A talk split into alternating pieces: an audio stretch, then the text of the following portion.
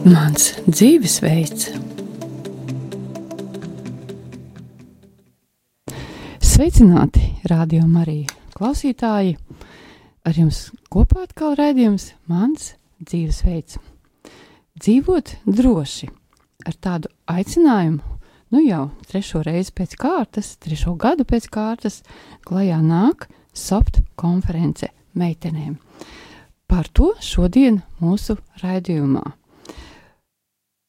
Un mūsu uh, viesi šodien ir šīs konferences iniciatoras un organizatoras Agnese Palo un Anī Palo.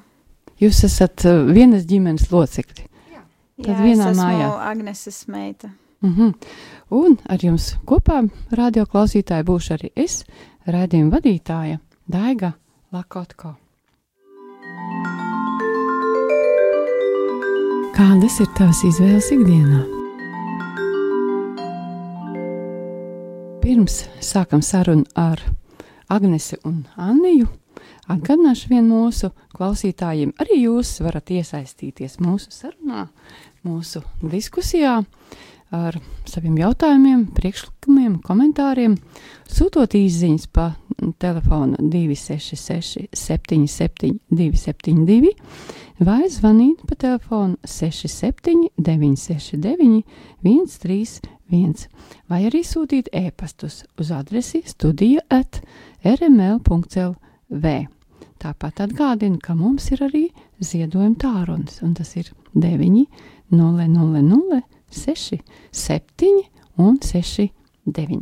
Lūk, tā kā gaidām jūsu īsiņas, zvanus, jūsu aktivitāti.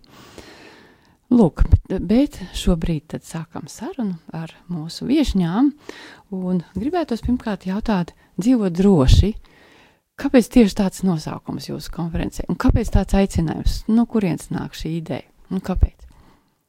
Šajā gadā man bija iespēja piedalīties misijas braucienā uz Balkāniem, un pateicoties šim misijas braucienam, uh, es iemācījos to, kā tas ir dzīvot droši vienai pašai.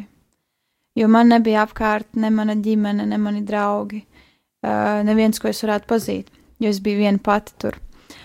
Un es daudz vairāk laika pavadīju tieši kopā ar Dievu, un es sajūtu, kā tas ir uzticēt viņam visu.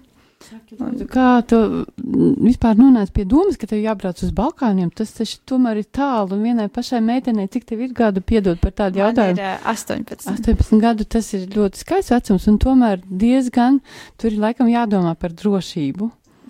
Jā, višķiņi ir, jo tur uh, ir īpaši uz to vietu, kur es braucu, kas bija Albānija un Kosova, tur ir 90% musulmaņu ticīgo.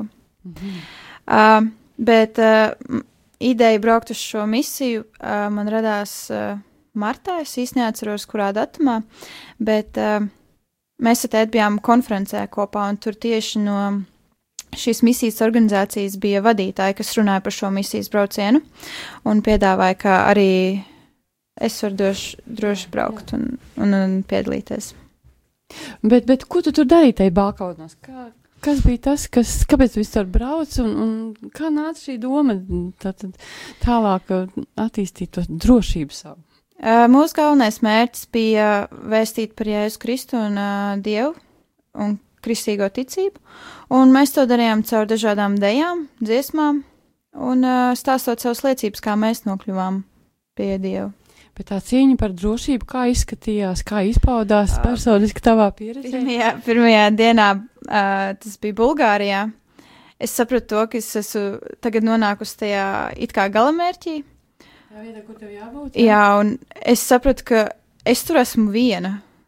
Tā kā nav apkārt neviens cilvēks, pie kuras var pieiet klāt un pateikt, o, oh, čau, tēt, kā tev iet, ko tu dari? Prom No mājām jau Jā. gribu uzsvērt. Un, Un tad man sākās tāds tā kā um, angliski teiktu breakdowns, ka es vienkārši sāku raudāt, un es nevarēju to apstādināt, jo man bija tās iekšējās bailes, bet ja nu tagad kaut kas notiek ar mani, ja nu, ja nu tagad es gribu kaut ko pastāstīt, bet man nav kam pastāstīt, un tagad man atkal ar svešiem cilvēkiem būs jāiepazīstas, un es parasti neesmu tas cilvēks mūsu ģimenē, kas varētu vienkārši iet pie svešiem cilvēkiem un teikt, o, čau, man sauc Anī, kā tev iet, kā tevi sauc, cik tev gadu un ko tu dari. Un es esmu vairāk tāds tieši cilvēks uz iekšpus, tāpēc priekš manis tas bija vienkārši briesmīgs bailes, un, un, un arī saprast to, ka es esmu tādā vidē, kur kristiešus nonicina un nepieņem. Un Pirmā tas bija interesanti. Bija tik tālu no mājām, ja? Jā, viena pati, jā. Tas liels izaicinājums. Un, un tad, ko, kā tu tiki ar to galā? Uh, tad es piezvanīju uh, tētim, un tieši tikko bija beidzies dievkalpojums viņiem šeit Latvijā.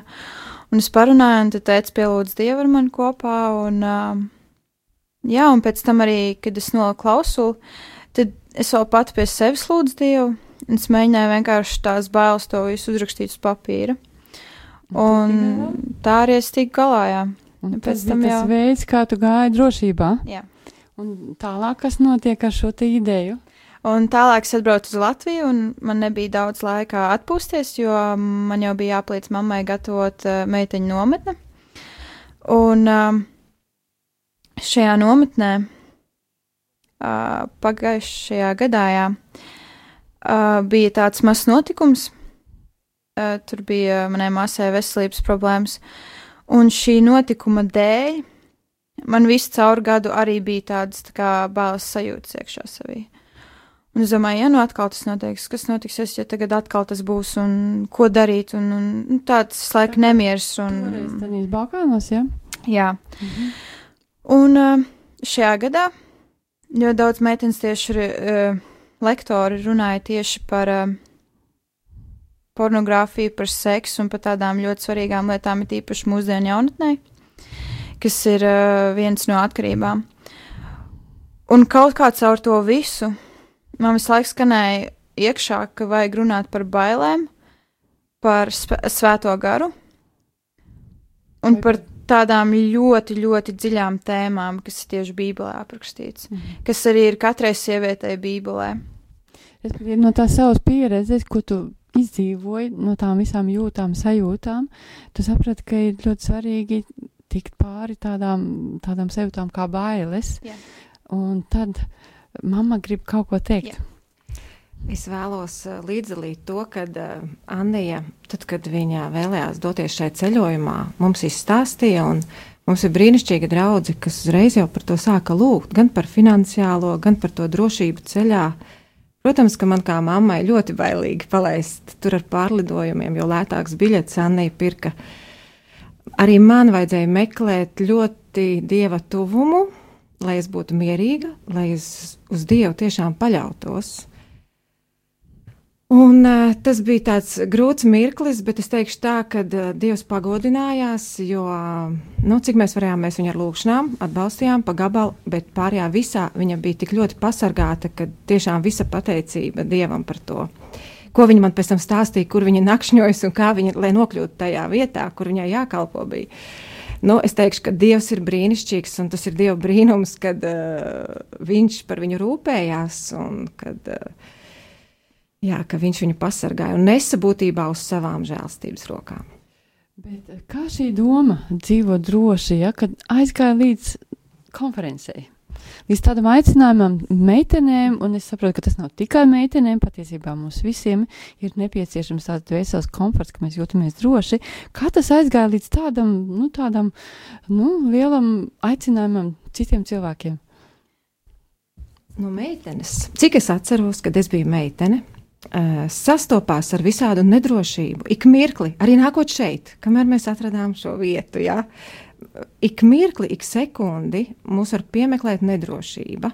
Un tāpēc mēs vēlējāmies uh, visvairāk, ja Vannija, pastāstīt to vēsti meitenēm, kad ir drošība Dievā un ka Bībelē to var meklēt, ka katra meitene var droši doties uz draugu. Lai arī tai draudzē kaut kas varbūt ir nesaprotams, vai kādas tradīcijas, nu, vai es nezinu, grūti tā pateikt, kas varbūt uh, biedē doties dievnamā iekšā, nu, jebkuru meiteni, kurai nav kristīga ģimene, mēs aicinām ikvienu nākt uz konferenci un arī droši vērt dievnamu durvis, jo Dievs ir brīnišķīgs un viņa mīlestība tur ir. Un... Pavisam īsi, kas tā pa konferenci? Kur notiks, kad, kas tiek aicināti? Tātad, mīļi, gaitīsim meitenes no 12 gadu vecuma līdz 20 gadu vecumam. Uh, Konference notiek tepat Rīgā, Gertrūdas ielā 72, bet mūsu lūgums ir pirms tam pieteikties. Jā, bet tā dodīs. Un? Un, lai pieteiktos, tad to var izdarīt internetā. Adrese ir e-punkts. Varbūt tās, tās, tās detaļas tik ļoti ne, bet uh, tieši tātad no kura datuma līdz kuram, no, no cikiem līdz cikiem, kas tiek aicināti, lai cilvēki saprotu, kas ir tā, tā jūsu iniciatīva. Šī konference notiksies šajā piekdienā.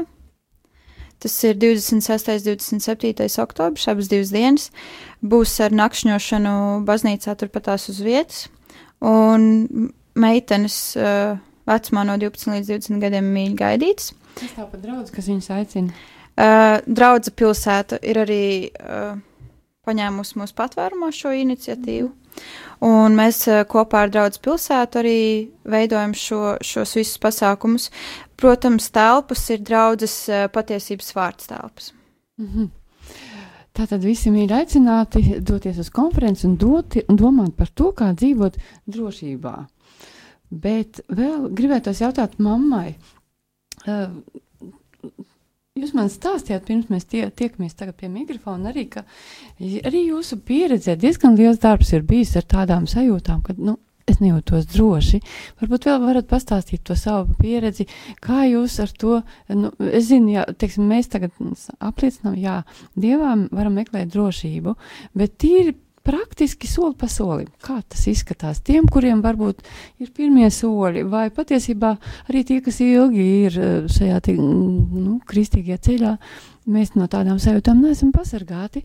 Kas ir tas praktiskais solis vai soļi, kā mēs no tām, mm, teiksim, mokošajām izjūtām, kas ir bailes, tiekam līdz drošībai?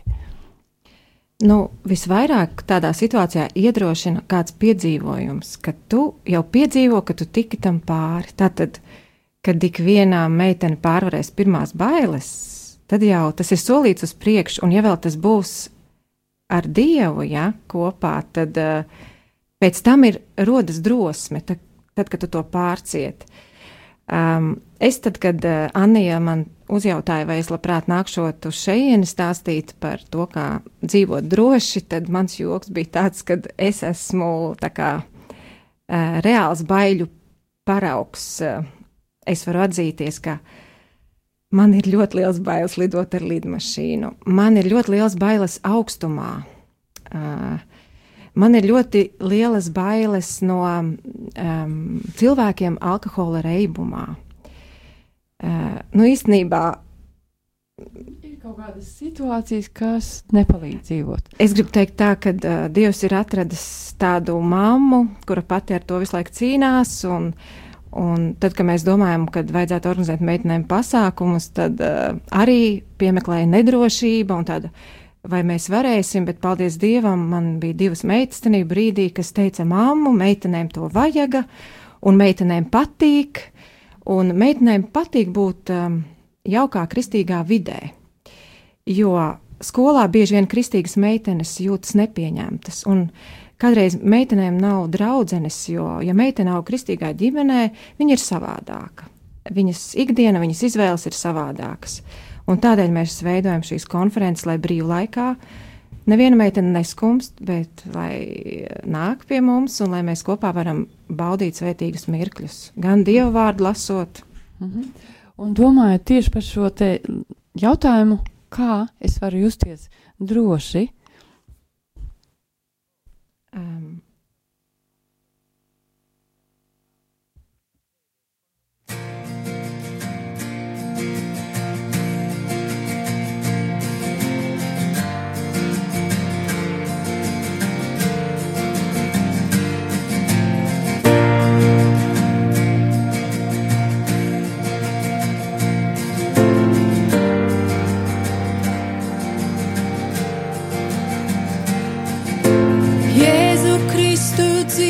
dieva dēls. Tavs krusts tik brīnumaini skaists un cēls. Zemu kritušo tas augstu ceļ. Uz mūžiem smago nestu projām vēl. Jēzu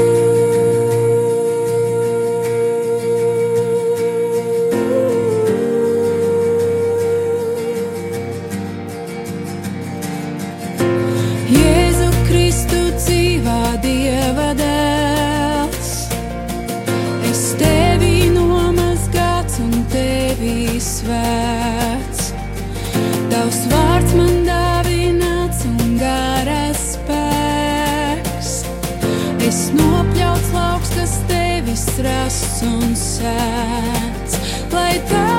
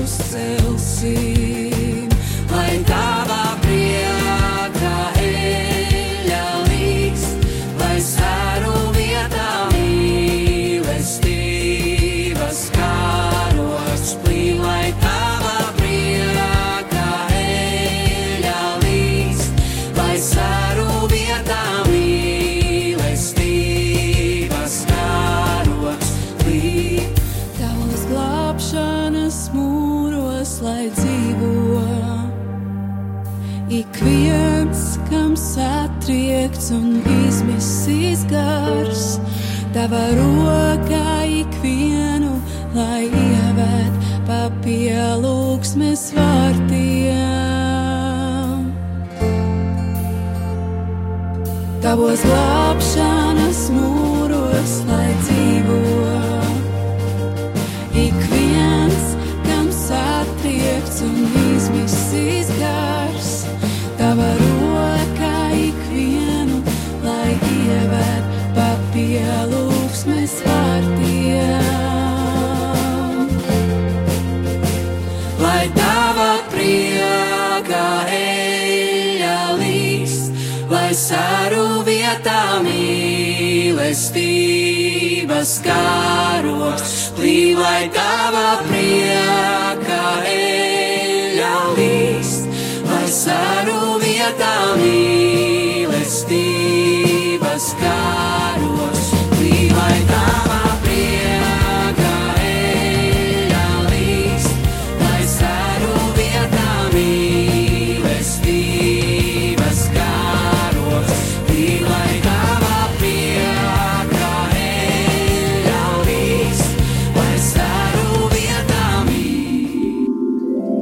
Kādas ir tavas izvēles ikdienā? Šobrīd atkal atgriežamies studijā. Ar jums kopā atkal raidījums Mans dzīvesveids. Atgādinu, ka šodien runājam par tādu tematu, kā dzīvot droši, jo ar šādu aicinājumu nākušas klajā soft konferences organizatoras Annija un Agnese po Polas. Un viņas arī stāsta par savu pieredzi, kā nonākuši līdz tai domai, ka dzīvot droši tas ir absolūti svarīgi. Bet pirms mēs atbildam uz jautājumu, kāpēc tas ir svarīgi, varbūt paskatīsimies, kas ir tie soļi, kā mēs tiekam līdz tai drošībai. Anija. Uh, kā jau es šogad, šodien minēju, ka es šogad braucu arī misijas braucienā, un tur bija tādi ļoti daudz brīžu, kad es jutos nedroši, kad es jutos, uh, nu, pilnīgi kā pazudusi. Un tajos brīžos vislabākais, ko tu vari darīt, ir vienkārši turpināt iet uz priekšu, nepalikt uh, vienai, bet turpināt iet uz priekšu, būt ar uh, citiem cilvēkiem kopā, elpot brīvi, jo elpošana ļoti palīdz tādos Respektīvi, brīžos. mēs nemestam plinti krūmos, tad, Jā. kad uznāk bailes un kad ir kaut kāds liels uzdevums jāveic, bet, bet bišķiņi tā kā kāja trīc, tad mēs turpinām iet uz priekšu un to daram tādā veidā, kā tu tagad stāsti, ja? Jā, un arī mūzika ļoti bieži palīdz.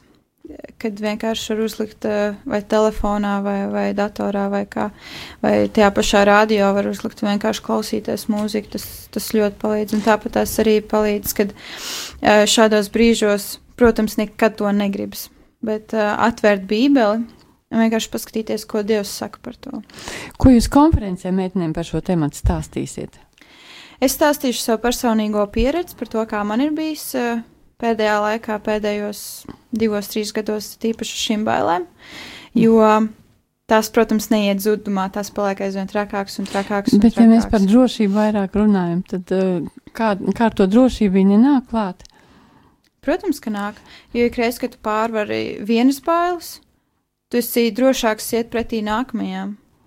Un tu gribi vienkārši celties un iet pretī, un tu gribi cīnīties. Mm -hmm. Mēs kā kristīgi cilvēki saprotam, ka bailes tas nav Dieva plāns. Tad patiesībā mums ir jākoncentrējas nevis uz šīm sajūtām, bet pavisam pretējā virzienā mums jāmeklē un jāskatās uz to drošību. Un man tāda sajūta, ka jo vairāk mēs skatāmies uz drošību, jo viņa tā kā tuvāk mums nāk. Anī, bet jums arī ir pieredze par, par tādu cīņu, kā mēs tiekam līdz tādai drošībai. Ko jūs tādā konferencē stāstīsiet? Jo jūs arī taču stāstīsiet, vai ne? Um, es vienmēr ļoti priecājos par to mirkli, kad um, pirmām kārtām baiļu brīdī man ir, nu, kad pāriet tās bailes, ka man ir spēja atzīt, ka man bija bailes. Jo citreiz es skrienu pa dzīvi savā ikdienā, man ir tik daudz darba, un es baidos, es raustos, es īsti neko labi neizdaru. Un tā tas turpinās, un uh, nekāds atrisinājums nenāk, tiklīdz es neatzīstu, ka man ir bailes. Un tad, kad es atzīstu, ka man bija bailes, arī tādās lietās, kur ir kauns atzīt, kas varbūt ir citam cilvēkam, tas tā nav nekāda problēma. Eh, Man kādreiz um, prātā nenāca, ka es varētu vadīt automobīli, piemēram, jo man bija bail braukt ātrāk par 20 km/h. Tagad es to daru jau kādus 13 gadus. Mm. Un tad, kad es pirmoreiz izbraucu uz krasta ielas, tad, kad man bija iegūtas tās autovadītāja tiesības, un kad es izbraucu viena, tad man ļoti palīdzēja. Uz krasta ielas ir daudz joslas un ļoti daudz mašīnu dienas vidū.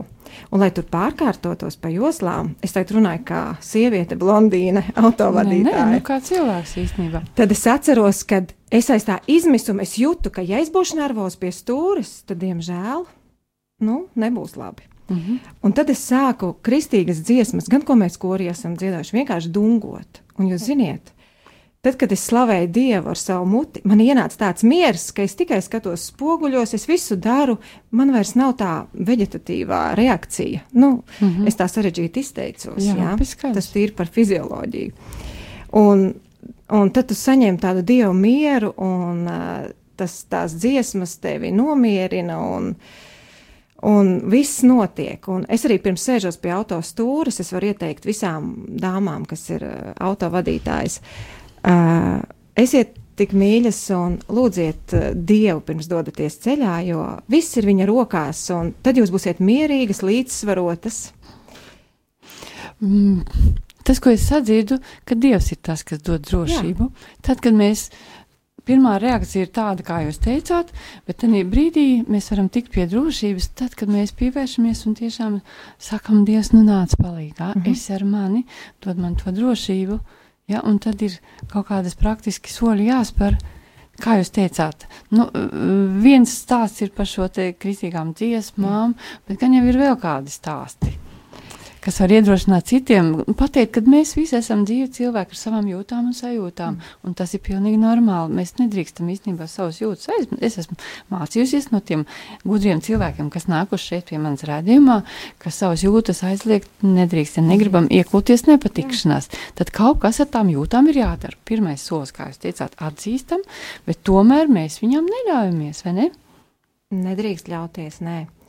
Jo, ja es ļaujos tādām jūtām, tas ietekmē visu manu ķermeni. Uh, un uh, reāli līdz pat tādai pakāpei, ka pat uh, cilvēkam viņš var slikti justies, un tas vispār nav veselīgi raizēties un baidoties. Un uh, ļoti svarīgi baiļu situācijās ir arī, kā cilvēks jūtās. Ja viņš ir pārguris, viņš nespēs tikt galā ar šīm bailēm.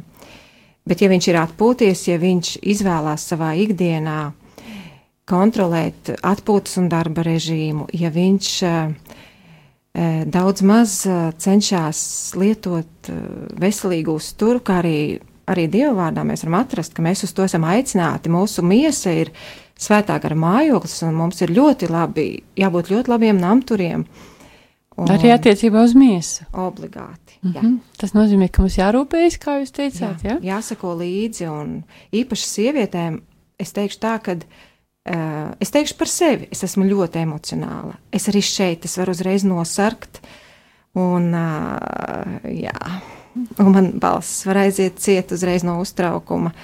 Un, Kas notiek droši vien daudziem citiem arī, ne tikai jums Jā. kā blondīnei, kā jūs teicāt, bet uh, vai jūs runāsiet arī par vīriešiem savā konferencē, jo vai tur ir arī vīrieši aicināti vai, vai lekt, kā lektori vai tikai meitenes meitenēm, mammas uh, meitām?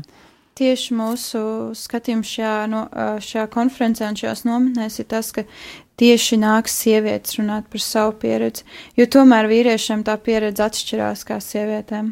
Un mums priekš sievietēm būtu varbūt no vienas puses vieglāk uztvert vīriešus, jo viņi tā daudz vieglāk runā un daudz saprotamāk. Tomēr sievietes daudz labāk saprot vienu otru. Un mēs zinām to, kā tas ir katru dienu sadzīvot ar tām raizēm, ar to satraukumu sirdī, nu, ka tikai kaut kas nenotiek, un ar tām daudzajām domām, kas mums galvā, uh, galvā katru dienu ir. Un, un, un tāpēc arī konferencē lektorus vai arī dziedātājs vai uh, vienkārši slavēšanas pielūgsmes vadītājs ir sievietes. Labais paraugs, uh, nu, tad, tad priekšā, kurš stāsta, un savukārt meitenes no 12 gadu vecumā, ja, kas mācās sadzirdēt, ka bailes tas ir normāli, tāpat kā daudzas citas jūtas, bet mēs pie tām nepaliekam. Mēs spēram nākamo soli virzienā uz drošību. jā.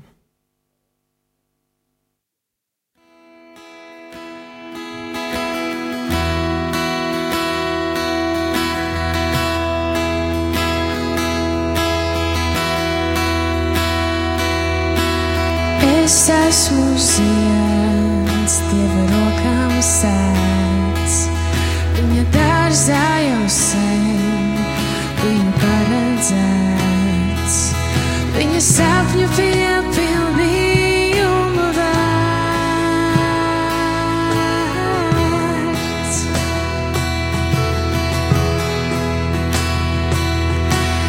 Es esmu zieds,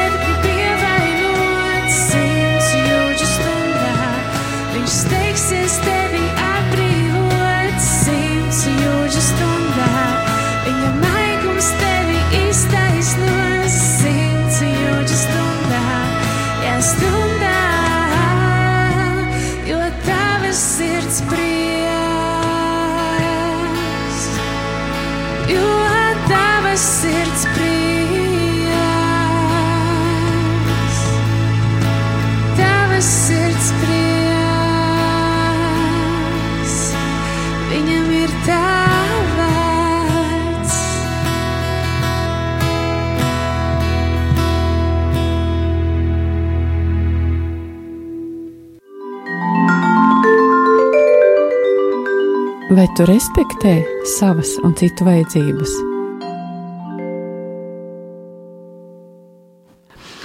Šobrīd atkal esam studijā un atgādinu mūsu klausītājiem, ka šodien runājam par drošību, par to, kā dzīvot droši, jo ar šādu aicinājumu nākusi klajā mm, konference topošai vēl eh, meitenēm, ko organizē Annija un Agnese Paulo.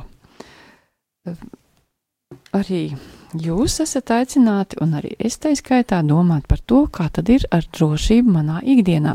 Jo tas ir absolūti svarīgi tādam dvēseles komfortam, lai mēs varam būt radoši, lai mēs kaut ko varam radīt tajā savā ikdienā, tajā, ko mēs darām, varam būt brīvi un dot mīlestību sev un citiem. Lūk, bet uh, atkal atgriežoties pie šīs sarunas, gribu jautāt jums, uh, jūs uzrunājat meitenes, bet Ziniet, bailes, godīgi sakot, ir arī zēniem. Kāpēc? Kas tur ar zēniem ir? Uh, diemžēl zēnus mēs uh, nepieņemam. Kaut gan ir bijuši arī Mēs- varianti, kad zēni piesakās, bet uh, šis viss ir uh, meitenēm. Bet tomēr zēniem ir arī veidots pasākums uh, nometnes un tikšanās zēniem uh, arī visu caur gadu, kas saucās drafts. Respektīvi, zēnu varbūt jūs pieņemat uh, kā, kā zēnus, bet vienīgi ne šajā konferencē, vai ne? jā. Bet jūs gribējat kaut kā atsevišķi tikai tā kā uh, meiteņu lokā izrunāt šo drošības jautājumu. Kāpēc tas ir svarīgi? Tāpēc, ka tad, kad meitenes ir atsevišķi ar uh, sievietēm vai meitenēm, viņas jūtas daudz brīvāk un daudz atvērtākas. Viņām nav bail vairs runāt par šīm bailēm, par šo salauztību un, un par kaut kādām sevis uh, nolikšanām pārāk zemu. Nepieņemšanas. Jā, savukārt, ja ir apkārt puiši, tad viņas grib justies tādas lielas, brīnišķīgas, skaistas, viņas grib izrādīties, un, un tad vairs tas nav tās. Bet īstenībā tā nav patiesība. Vai ne? Mm, Jā, vēlreiz par mm, šo konferenci runājot. Šī ir jau trešā konference, kur jūs um, organizējat. Kāpēc jūs nolēmāt turpināt šo praksi? Vai jūs varētu padalīties? Acīm redzot, ir kāds motīvs, vai jūs saprotat, ka, ka tā ir tāda lieta, kas mums ir vajadzīga? Nu, viskaistākie ir tie mirkļi, kad tās meitenes ierodas tādas um, sabijušās un no savas ikdienas atbraukuši katra no citas Latvijas vietas, katra no savādākas ģimenes. Un, un tā kā mēs dodamies prom, mēs esam kļuvuši tik tuvas uh, caur visu to, caur kopīgu ēst gatavošanu. Mēs šajās konferencēs praktiski mācāmies veselīgus našķus gatavot. Un tādas praktiskas lietas, visādas, kas viņām dzīvē pēc tam būs noderīgas. Tāda ir tā, arī tā vērtība. Un tad, kad meitenes dodas prom, mums ir daudz tādi video ieraksti, kur daudzas meitenes arī ir atjaunojušas um, attiecības ar Dievu, ko varbūt ikdienā skolā ir pazaudējušas, jo ir ļoti daudz jāmācās un jādara citas lietas. Jūs uzrunā šī te gan no vienas puses tā sadraudzība, tā mīlestība, tīri praktiski, ko jūs varat dot un saņemt, un kas ir īstenībā ļoti svarīgi, lai mēs justos droši, jo Bībelē ir teikts, uh, kad um, tie, kas tā šajā brīdī aizmirst to, to vietu, mm, pilnīga mīlestība aizdzen bailes. Liekas, ka tā, jā. Un ka, lai tiktu galā ar savu nedrošību, pirmkārt ir svarīgi meklēt attiecības, meklēt, kā es varu dot un saņemt mīlestību. Un tas es gribētu no savas puses uzsvērt arī, kā jau teicu, no gudriem cilvēkiem mācoties, kas nāk pie man šeit runāt, ka mīlestība tātad mums ir nepieciešama eh, gan to saņemt, gan dot, lai mums vispār dzīvē būtu normāls, nu, tādas krāsas mūsu dzīvē. Nu, lūk, tātad no vienas puses tā ir sadraudzība, es sadzirdu, kas jums uzrunā, bet uh, no otras puses ir šis te tīri garīgais aspekts. būt pieejamām, uh, lai mēs uh, varam kopā pavadot laiku, satuvināties ar šīm meitenēm, un lai viņas pēc tam atgriežoties ikdienā varētu justies drošākas, pārliecinātākas, nevis tādas iedomīgas, ne uz to pusīti, ja, bet pazemīgas un pateicīgas Dievam par visu. Un, Kā atšķirt, ka es esmu, neesmu augstprātīga, bet es esmu droša? Un ka- kas ir veselīga tāda drošības izjūta? Nekad nedrīkst uh, pazaudēt pazemību, un arī man kādreiz viss tā jau tik labi notiek, kad, diemžēl, ir nācies arī kļūdīties un pāršaut pār strīpu, un kad tu atskārsti, ka no pazemības tur vispār vairs nav nekas tādā mirklī, un tad ir kauns, protams, un atkal ir jāatzīst, un atkal jāiet tas pats ceļš uh, nožēlas un atgriešanās. Jā, bet, bet um, ja runā tieši par to veselīgo drošību, um, kā atšķirt no augstprātības?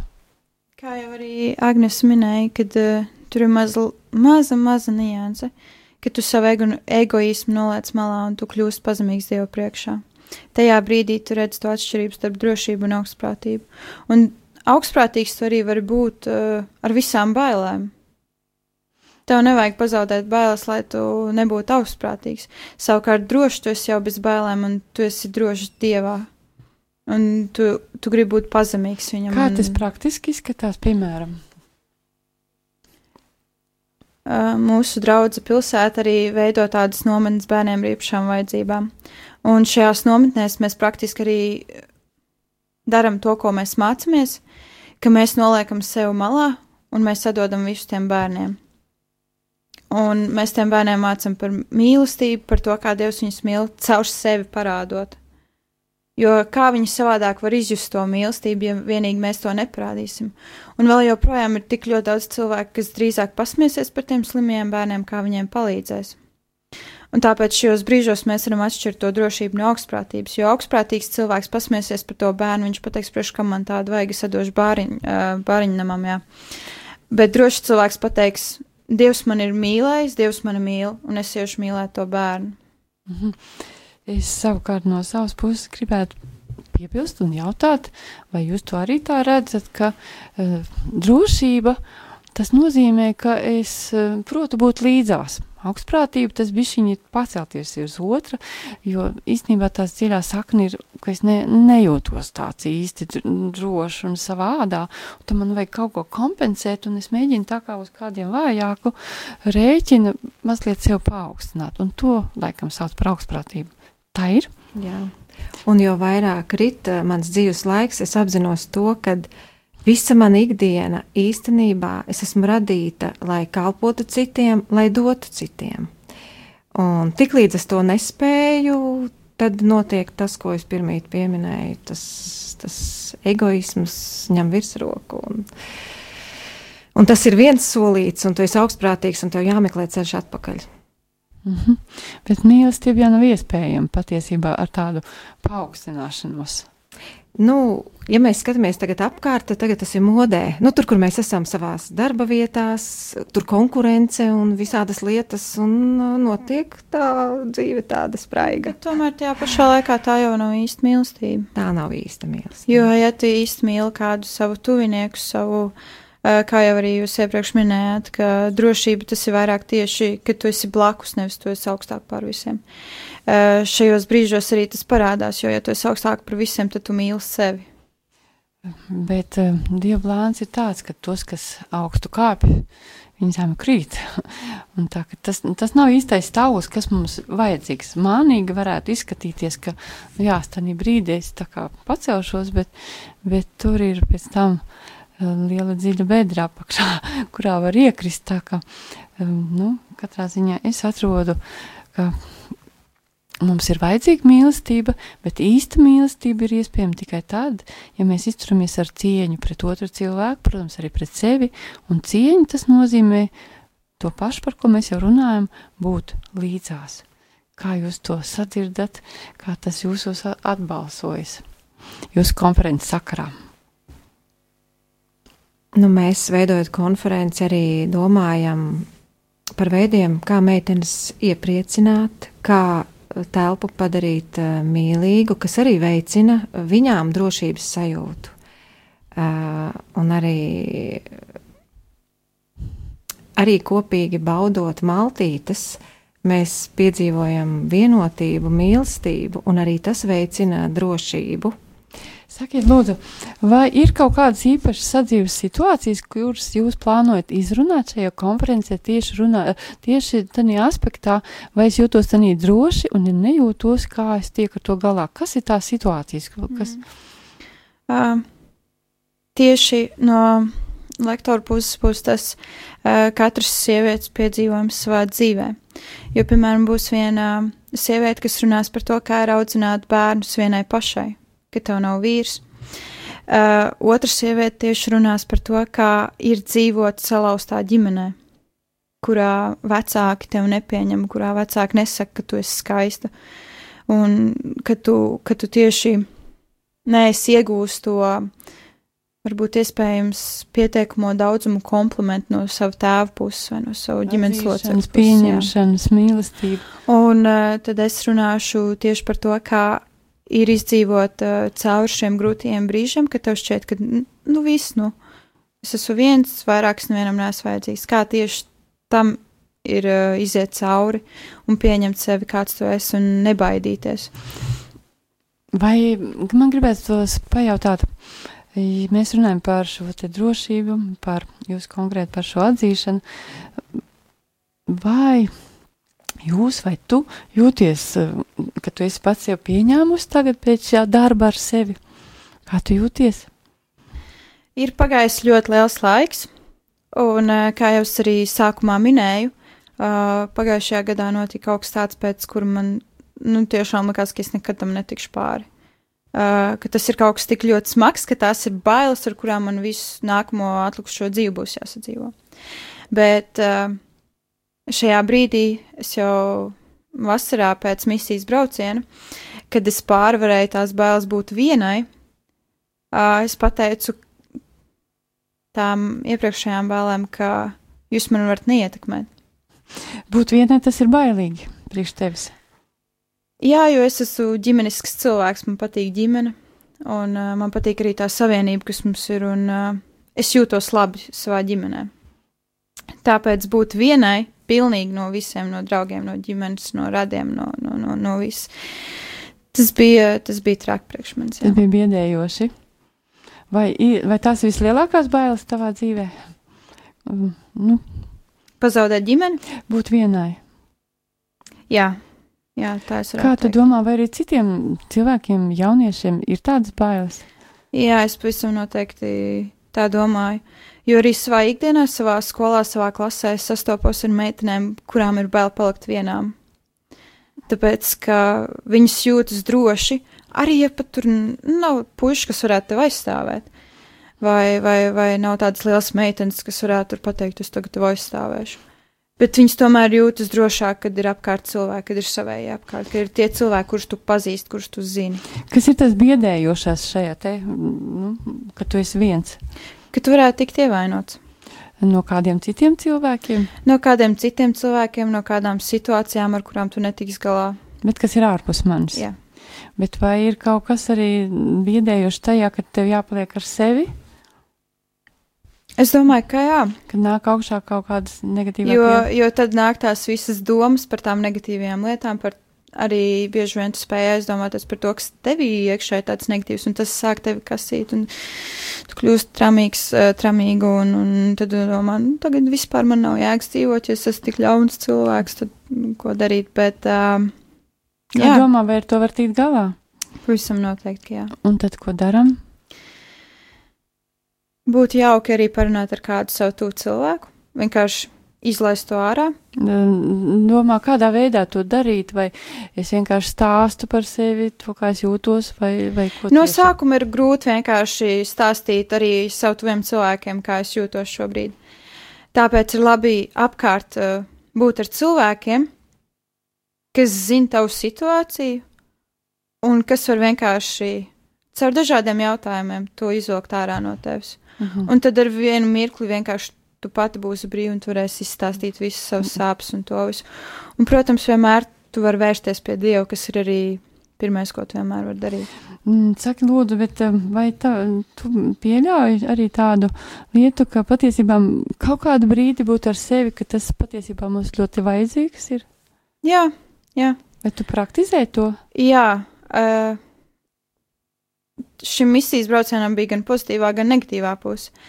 Jo es varēju caur šo negatīvo pusi, ka man bija tās bailes, es varēju iegūt arī pozitīvu um, daļu no šī misijas brauciena, ka es sajūtu, kā tas ir būt vienai, kā tas ir būt patstāvīgai, jo vienmēr es biju paļāvusies vai uz savu mammu, vai uz savu tēti, vai Jā, visu laiku bija ģimenē un pēkšņi viena Jā, un, un tā. un tagad man pašai ir jāaug, un kaut kādā ziņā caur šīm bailēm tu spēj arī pieaugt sevī, pieaugt dievā un uh, pieaugt šajā ticībā uz viņu. Tev bija tās klusuma pauzes, Jā, un ko tu darīji tajās pauzēs?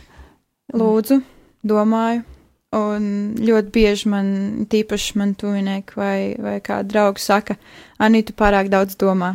Mhm. Pārāk daudz domā.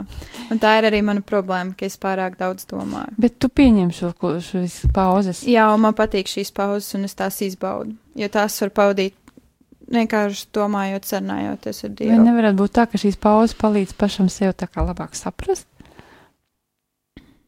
Un ar to mēs pieaugam.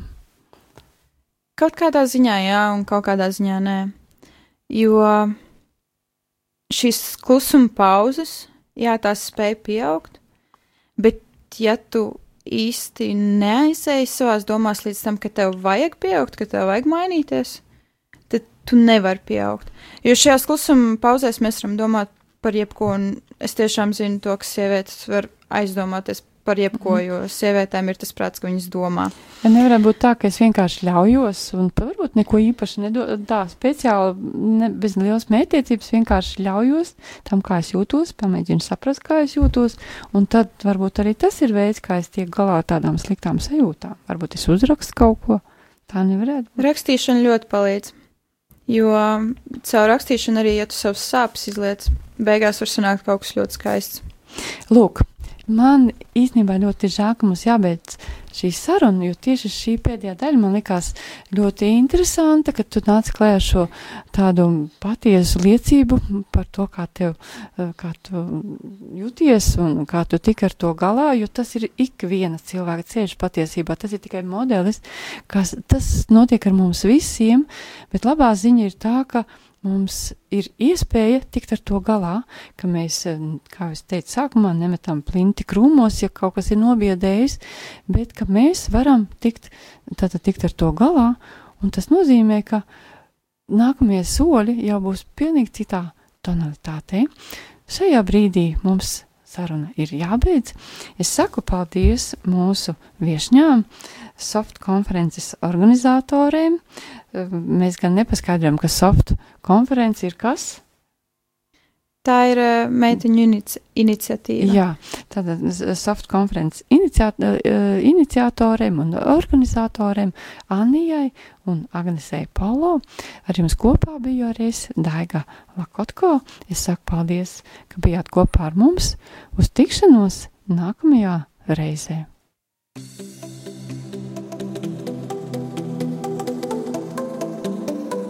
Mans dzīvesveids